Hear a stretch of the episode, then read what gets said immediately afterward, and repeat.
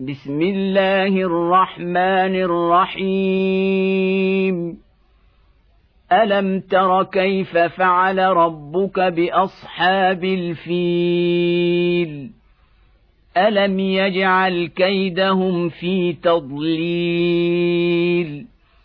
وأرسل عليهم طير نبابيل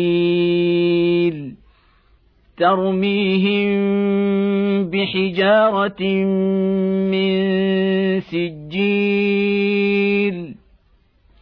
فجعلهم كعصف ماكول